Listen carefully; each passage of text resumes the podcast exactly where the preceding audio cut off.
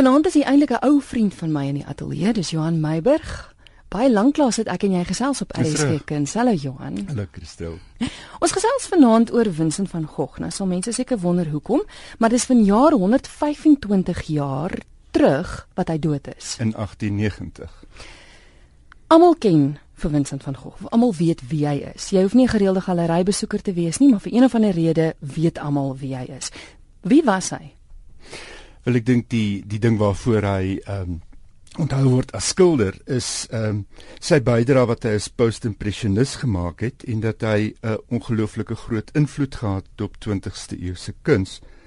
Hy het in sowat 10 jaar ehm um, 2100 kunswerke gemaak, 860 skilderye en dan onder 1300 tekeninge in en ander Maar nou is menings wat sê dat Vincent van Gogh waarskynlik net so bekend, bekend is vir sy kuns as vir die tragiese lewe en dan die tragiese omstandighede waarin hy dood is. Hmm. Ons gaan juist gesels oor sy dood, vind ek net gou die oor wat afgekap is. Dis natuurlik een van van die dinge waarvoor hy bekend is, maar die feit dat hy soos jy nou sê die manier hoe hy dood is.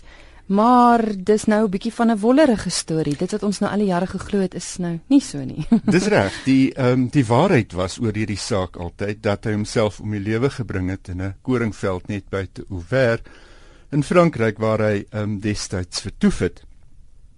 Nou in 1934 het Irving Stone ehm um, 'n boek geskryf met die naam Lust for Life waarin hy hierdie gegewe gebruik het. En dit het gesag begin kry en toe dit in 1956 verfilm is toe Vin Vincente Minnelli die die fliek mm. gemaak het met Kirk Douglas in die rol van Vincent van Gogh toe dit evangelie geword. Ehm um, niemand het getwyfel nie om die waarheid te sê hierdie tragiese lewe van die depressiewe Vincent van Gogh het logies het mense gedink uitgeloop op die feit dat hy homself om die lewe gebring het. Nou dis een weergawe van van die storie in 2811 het um, het twee um, joernaliste Stephen Knife en Gregory White Smith in hulle biografie Vincent van Gogh The Life aangevoer. Hy het hom dalk nie self om die lewe gebring nie maar dat hy dood is in 'n skietery of dat hy um, dat dit waarskynlik 'n skietongeluk sou kon gewees het En toe gooi hulle die appelkar om. Koerante het gelei met koppe soos ehm um, van Gogh vermoor. En uh, mense het aanlyn op webwerwe het hulle vel kritiek gelewer en en een skrywer het gesê dit kan nie waar wees nie. Dis nie soos ek Vincent van Gogh van Starry Starry Night ken nie. Nou ek dink dit illustreer daai hmm. daai hele dit is die waarheid. Vincent van Gogh het homself om die lewe gebring. Maar hoe is daar toe nou bewys dat dit wel 'n ongeluk was? Is, is dit bewys? Wel van Gogh het op sy sterfbed, hy het die 27ste Julie wat die skietery plaasgevind. Oh ja? Die 29ste Julie is hy dood. Hy het ehm um, op sy sterfbed het die polisie blykbaar vir hom gevra ehm um, het jy jouself om die lewe probeer bring? En van Gogh se woorde was ek dink so. Ehm um, daar was nie self selfdoodnota in sy in sy broeksak soos wat mense ehm um, gereken het nie. Hierdie hierdie navorsers wat 10 jaar lank navorsing gedoen het en hulle het toegang gehad tot die van Gogh museum en heelwat uh, manuskripte het gesê dit was 'n uh, dit was 'n 'n 'n 'n vooraf 'n vooraf weergawe van 'n brief wat hy aan sy broer Theo geskryf het wat hulle in sy sak gekry het waarin hy juis gesê het dat hy optimisties is oor die toekoms en dat hy baie verf bestel het. Ehm um, dis nie die soort nota wat 'n mens by jou sou wou dra as jy dit in jou kop het om jouself te skiet nie. Presies. Nou ehm um, intussen het die twee skrywers van wie ek gepraat het, die Knife en die White Smith, 'n uh, dokter Vincent Di Maio in die hande gekry. Hy is 'n Amerikaanse patoloog en 'n skietwond spesialis. Hulle het hom gevra om die ge beskikbare getuienis al die historiese gegevens te ondersoek en dan met sy bevinding te kom. Nou einde verlede jaar en dis hoekom die storie dalk nou in die nuus is, het hulle dit in Vanity Fair, die Amerikaanse tydskrif, die bevindinge van hierdie dokter Di Maio gepubliseer. Hy het dan gesê hy het gaan kyk na Paul Gachet.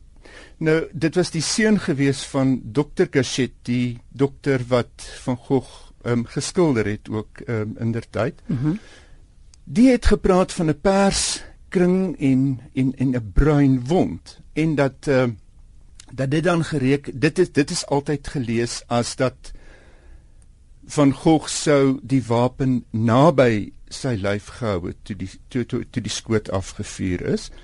Hy dan gesê dit is doodgewoon ehm um, die die die die pers dui op bloeding onder die onder die vel hmm. en die bruin is nie beskryf uh, merke soos wat vermoed is nie. Dis doodgewoon net aanduiding van 'n wond en dis dis gewoon algemeen. Hy het verder ook gesê dat dit vir hom vreemd is dat die wond aan die linkersy sit terwyl van Gogh regshandig was. Die Meyer se oordeel is en ek haal aan dat die wond medies gesien na alle waarskynlikheid nie deur van Gogh self toegedien is nie. Met ander woorde dat hy hom nie self geskiet het nie. Jy het nou vroeër genoem dat baie mense geskok is oor die feit dat dit nou nie self dit is nie. Wat het gemaak dat hulle die heel eerste plek ondersoek ingestel het en gedink het okay, goed, maar miskien is dit dan nou nie selfdood nie. Daar's ongelooflik baie rafels aan hierdie storie. In 1956 toe Minelli se fliek uitkom, toe het ene René Secretan mhm. ehm um, laat weet die uitbeelding van Douglas strook nie met die persoon van Gogh wie hy geken het nie. Hy was 'n 16-jarige gewees in 1890. Hy was die seun gewees van 'n Paryse apteker en die die gesin het gewoonlik hulle somers in Auvers deurgebring. Nou die René het 'n broer Gaston gehad en en en die twee 16-jariges wat hulle was, ehm um, het dan het dan doodgewoon die somer vrye tyd gehad in in die omgewing ehm um, van van die dorpie. Nou dis bekend dat die René ehm um, wat van 'n boelie was. Hmm. Daar is getuienis dat hy hy het uh, hy het byvoorbeeld 'n 'n cowboy pakkie gehad, hy het 'n klein kaliber 'n uh, pistool gehad. En ehm um, dis ook bekend dat hulle van Gogh wat vir hulle die vreemde Hollander was, wat hulle Toto genoem het, ehm um, dikwels geteken het met uh, met poetse. Hulle het onder meer ehm um, russie aan sy kwasse gesmeer. Ehm um, hy het die gewoonte gehad om dit in sy mond te sit en natuurlik uh, met dit sy mond gebrand. Hulle het sout in sy tee gesit en hulle het ook 'n keer, hulle het ook ehm um, op 'n keer is 'n slang in sy verfkussie gesit. Nou die sekretan het ehm um, het nie erken dat hy aandeel gehad het in die skietery nie, maar het wel gesê dat dit is sy wapen wat gebruik is in die skietery.